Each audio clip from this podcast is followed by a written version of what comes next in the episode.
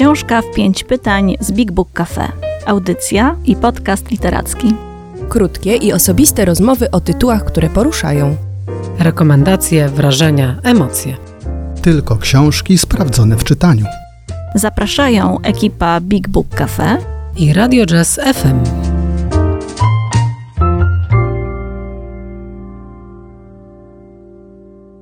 Dzień dobry.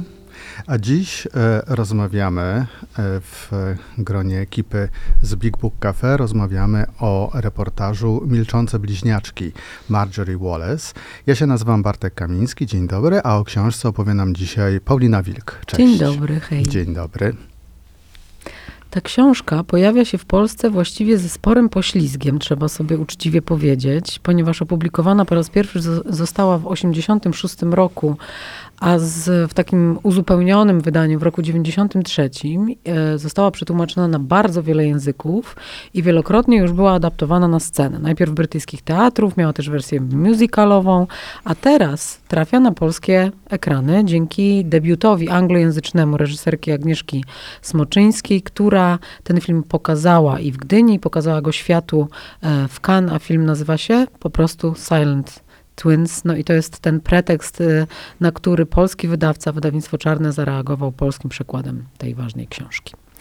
Jak słyszę, że ta historia stała się kanwą musicalu, to y, prawdę mówiąc, aż y, muszę usiąść wygodniej w fotelu, ponieważ no, bohaterkami tego reportażu, tej książki są dwie siostry, bliźniaczki tytułowe, które milczą. E, więc e, zacznijmy od tego, e, no, z jednej strony oczywistego, ale z drugiej strony bardzo intrygującego tytułu. Kim właściwie są owe milczące bliźniaczki? E, June i Jennifer Gibbons e, urodziły się w 1963 roku e, w Adenie, dlatego że tam stacjonował ich tata, który był kontrolerem lotów. Ale właściwie większość tej opowieści dzieje się w Walii, gdzie dziewczynki dorastały ze swoją rodziną na takim osiedlu przy bazie lotniczej, w której ojciec był zatrudniony. One nie były jedynymi dziećmi swoich rodziców, miały rodzeństwo i siostry i brata w różnym wieku.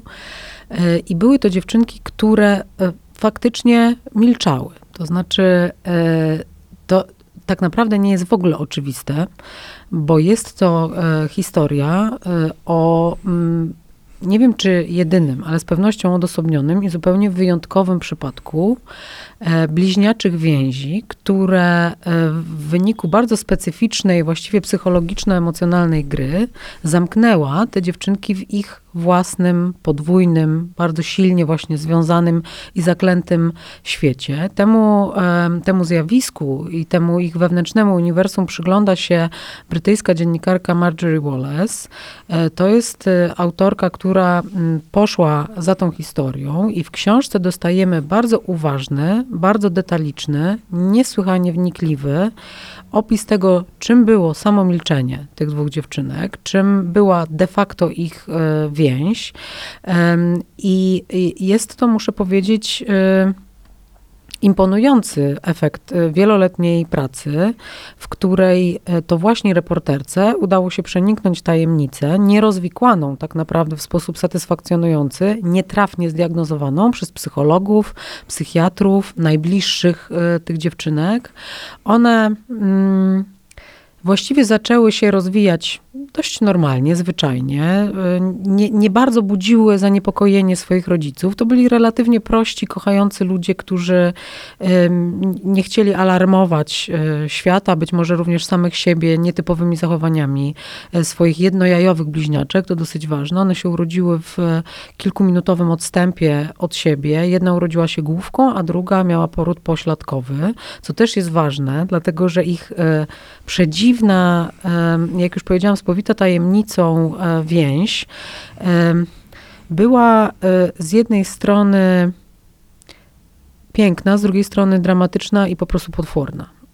One, kiedy skończyły szkołę średnią, zamknęły się przed światem w swoim pokoju na piętrze w niewielkim walijskim miasteczku i nie wchodziły z tym światem w kontakt słowny, co rzecz intrygująca, nie oznacza, że nie były istotami bardzo emocjonalnie i psychicznie rozwiniętymi, bardzo wrażliwymi, bardzo kochającymi również swoich rodziców.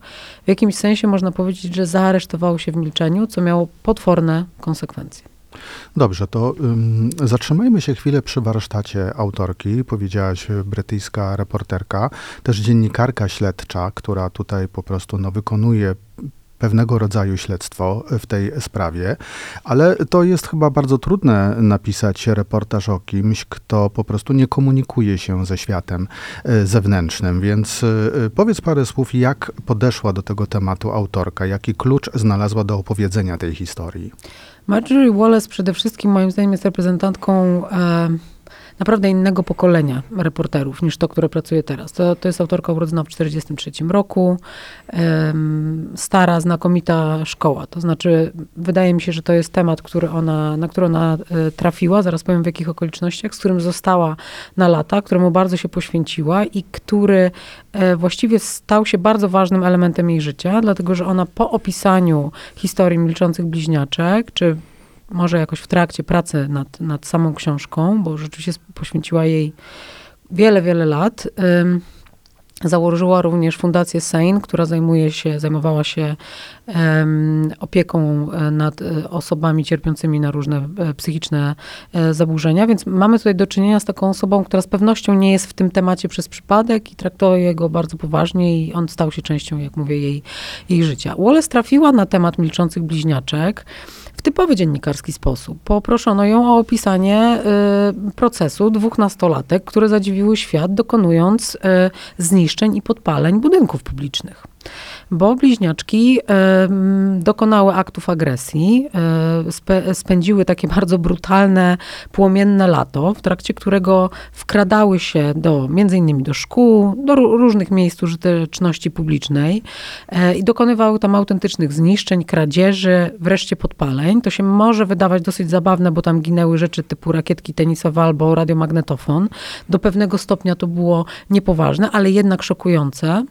E, to przyciągnęło oczywiście e, uwagę mediów. E, Wallace poszła głębiej i dotarła do rodziców bliźniaczek w chwili, w której one zostały zamknięte w zakładzie karnym i wiele rzeczy wskazywało, że zostaną wkrótce na lata długie zamknięte w specjalnym szpitalu psychiatrycznym o szczególnym nadzorze porozmawiała z rodzicami dziewczynek. E, oni dali jej dostęp do kilku worków, w których policja zebrała i oddała już rodzinie materiały dowodowe. Wśród materiałów dowodowych były przede wszystkim pamiętniki tych dziewczyn, ale również ich wiersze, opowiadania i powieści, które napisały. Otóż okazało się, e, że one były bardzo utalentowane literacko i owszem komunikowały się ze światem słownie, ale wyłącznie na piśmie. Wallace rozmawia z rodzicami, rozmawia ze wszystkimi osobami, które były zaangażowane w ich leczenie, próby leczenia, diagnozowania, opiekę e, w zakładzie karnym. Rozmawia z chłopcami, którzy e, pomogli to nie jest dobre sformułowanie, z którymi dziewczynki przeżyły inicjację seksualną w dość też kontrowersyjnych okolicznościach, dotarła właściwie do wszystkich, którzy mogli jej cokolwiek powiedzieć. Wreszcie dotarła do obu bliźniaczek, poznała je, nawiązała z nimi relacje, kiedy one były w zamknięciu e, i e, te relacje utrzymała również przez lata. Także można powiedzieć tylko szapoba.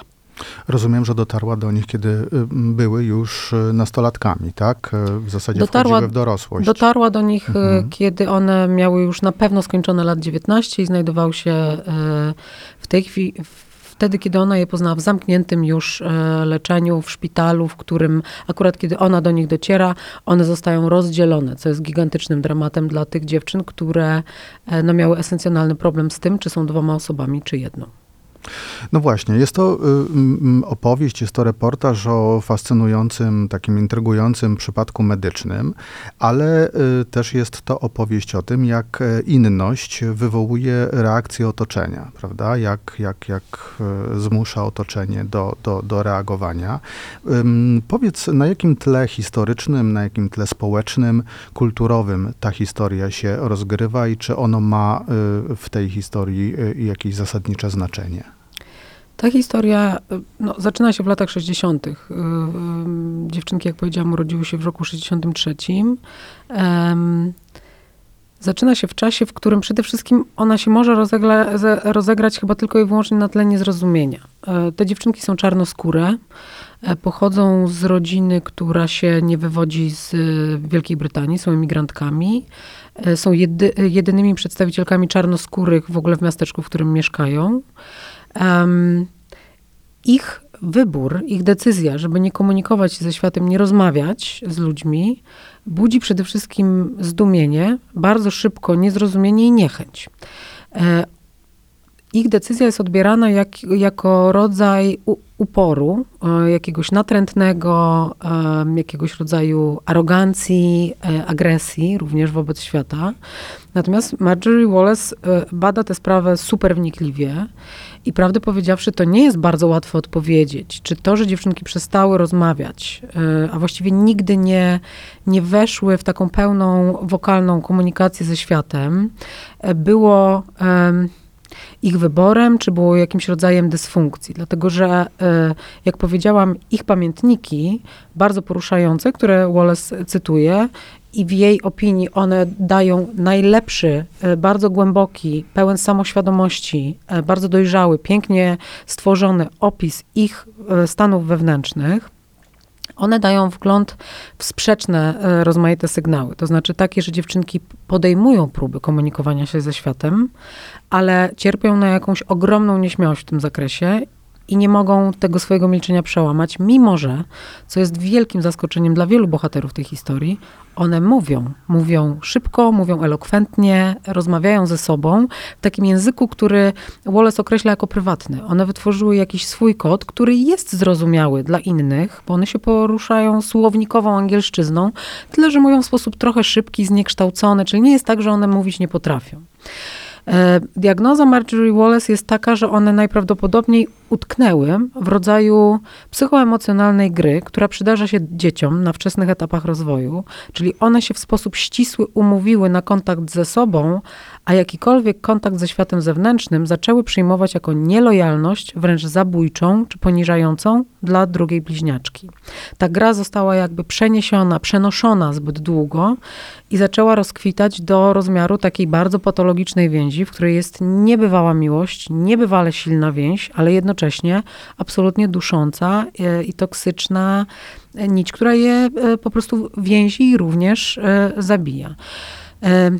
Ten przypadek się zdarzył światu, e, który na to był niegotowy, dlatego że e, i psychiatrzy, i policjanci, i śledczy, i psychologowie ze wszystkimi swoimi narzędziami, którymi wtedy dysponowali, odczytali te dziewczynki jako zaburzone. Próbowali je sklasyfikować jako schizofreniczki, jako e, osoby dotknięte no jakąś, e, jakąś e, psychiczną patologią. Tymczasem Wallace właściwie prowadzi nas do, do jądra bardzo unikalnego przypadku, który chyba się tym wszystkim klasyfikacjom tak naprawdę e, wymykał, natomiast wydaje się bardzo uniwersalnym, głęboko humanistycznym dramatem. Powiedziałaś, że ta książka nie jest nowa. E, Powiedziałaś już parę słów o autorce, wybitnej e, reportażystce, dziennikarce e, śledczej z Wielkiej Brytanii i powiedziałaś, że należy ona już do takiego starszego pokolenia dziennikarzy o dość specyficznym warsztacie. Więc właśnie chciałem cię jeszcze dalej pociągnąć za język o te sprawy warsztatowe, bo sama czytasz dużo reportaży.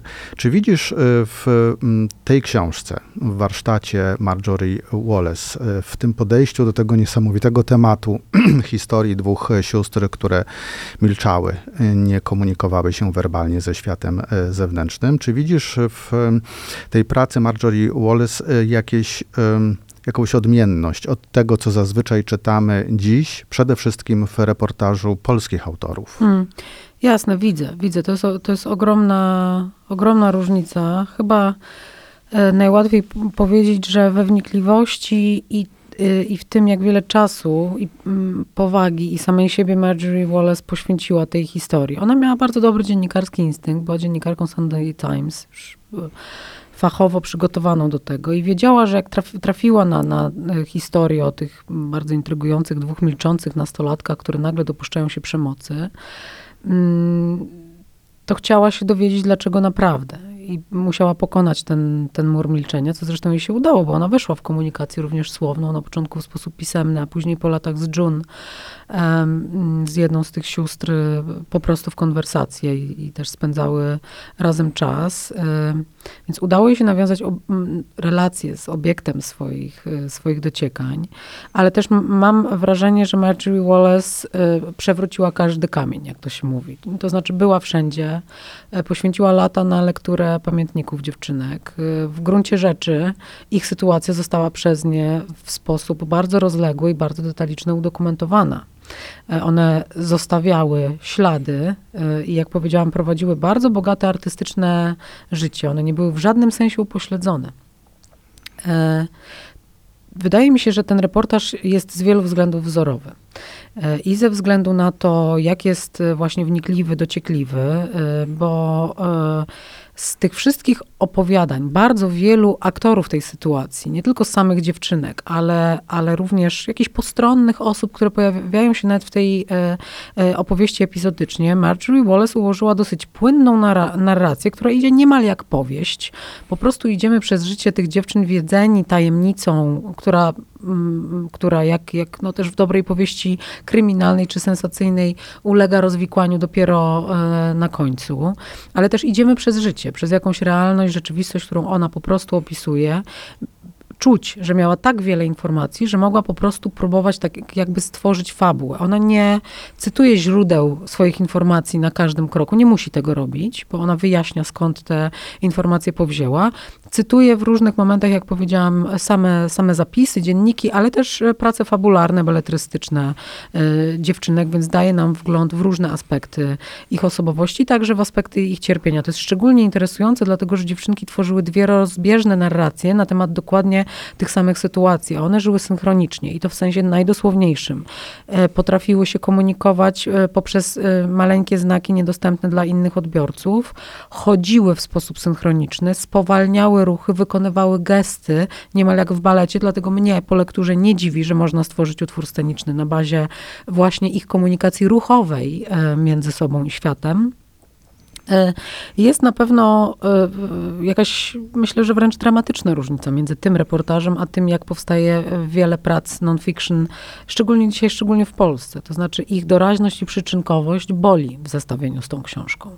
E, czytam ją 30 lat ponad po jej, po jej ukazaniu się, a jest to powieść absolutnie wciągająca i nie mam żadnych wątpliwości, że jak już wspomniałam, ta historia ma wymiar i głęboki, i uniwersalny. To jest psychologiczna, um, psychologiczna wyprawa do jądra ludzkiej ciemności, do tego, co możemy sobie zrobić, jeśli zwiążemy się za blisko, jeśli nie zdecydujemy się na rozstanie w odpowiednim momencie, e, bo to jest historia o miłości na dosłownie śmierć i życie. Piorunująca, przejmująca. Nie dziwię się, że Agnieszka Smoczyńska chce ją ekranizować. Jestem ciekawa, co z tym zrobi, a już, y, co, co zrobiła z tą opowieścią, a już wiemy, że to jest opowieść bardzo sensualna i właściwie coś w rodzaju impresji na temat y, ich życia. Natomiast to jest no, taka bardzo opasła faktograficzna opowieść. No właśnie, to może zakończmy naszą rozmowę mm, pytaniem i refleksją, dla kogo y, przede wszystkim jest ta książka? Kto się w niej e, odnajdzie, kto się nią zachwyci, kto ją doceni? No, na pewno entuzjaści reportażu. Jeżeli ktoś kocha um, klasycznie, re, prawilnie realizowany reportaż, to be, bezwzględnie. I to, jak mówię, to może być podręcznik.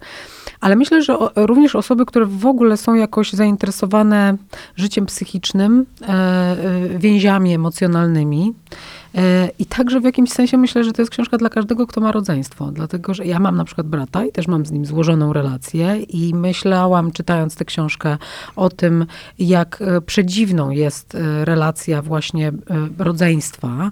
Bardzo, bardzo jest ona szczególna, bo jest pełna miłości, ale właściwie w każde rodzeństwo wpisana jest jakaś rywalizacja, jakiś rodzaj wyścigu po prawidłowe rozwiązania życiowe, jakiś rodzaj napięcia, który bywa wrogością.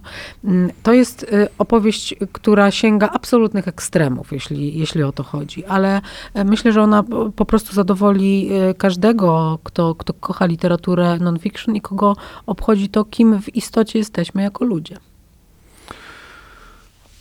Przekonałaś mnie Hmm. do tej książki. No proszę, a Bartek prawie nie czyta non-fiction. Tak, a ja byłem dosyć, e, podchodziłem do tego tytułu z rezerwą, nawet mm, zacząłem czytać e, tę książkę i tam rzeczywiście bardzo y, y, dużo mówi się o y, psychologii i o tej więzi sióstr w taki bardzo literacki sposób.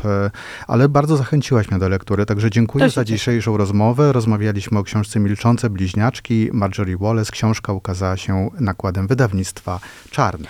A za tydzień ja z kolei będę stawiać pytania na temat książki Matrymonium, którą napisała Alicja Urbanik-Kopeć. Opowiadać będzie mi Julia Rzemek, szefowa naszych księgarni. Alicję Urbanik-Kopeć znamy między innymi z, książkach o, o, z książek o polskich robotnicach i służących, także spodziewam się e, bardzo ciekawej opowieści o tym, czym e, było małżeństwo w polskiej kulturze. Dziękujemy za dzisiaj. Dziękujemy. Bartosz Kamiński i Paulina Wilk. Do usłyszenia.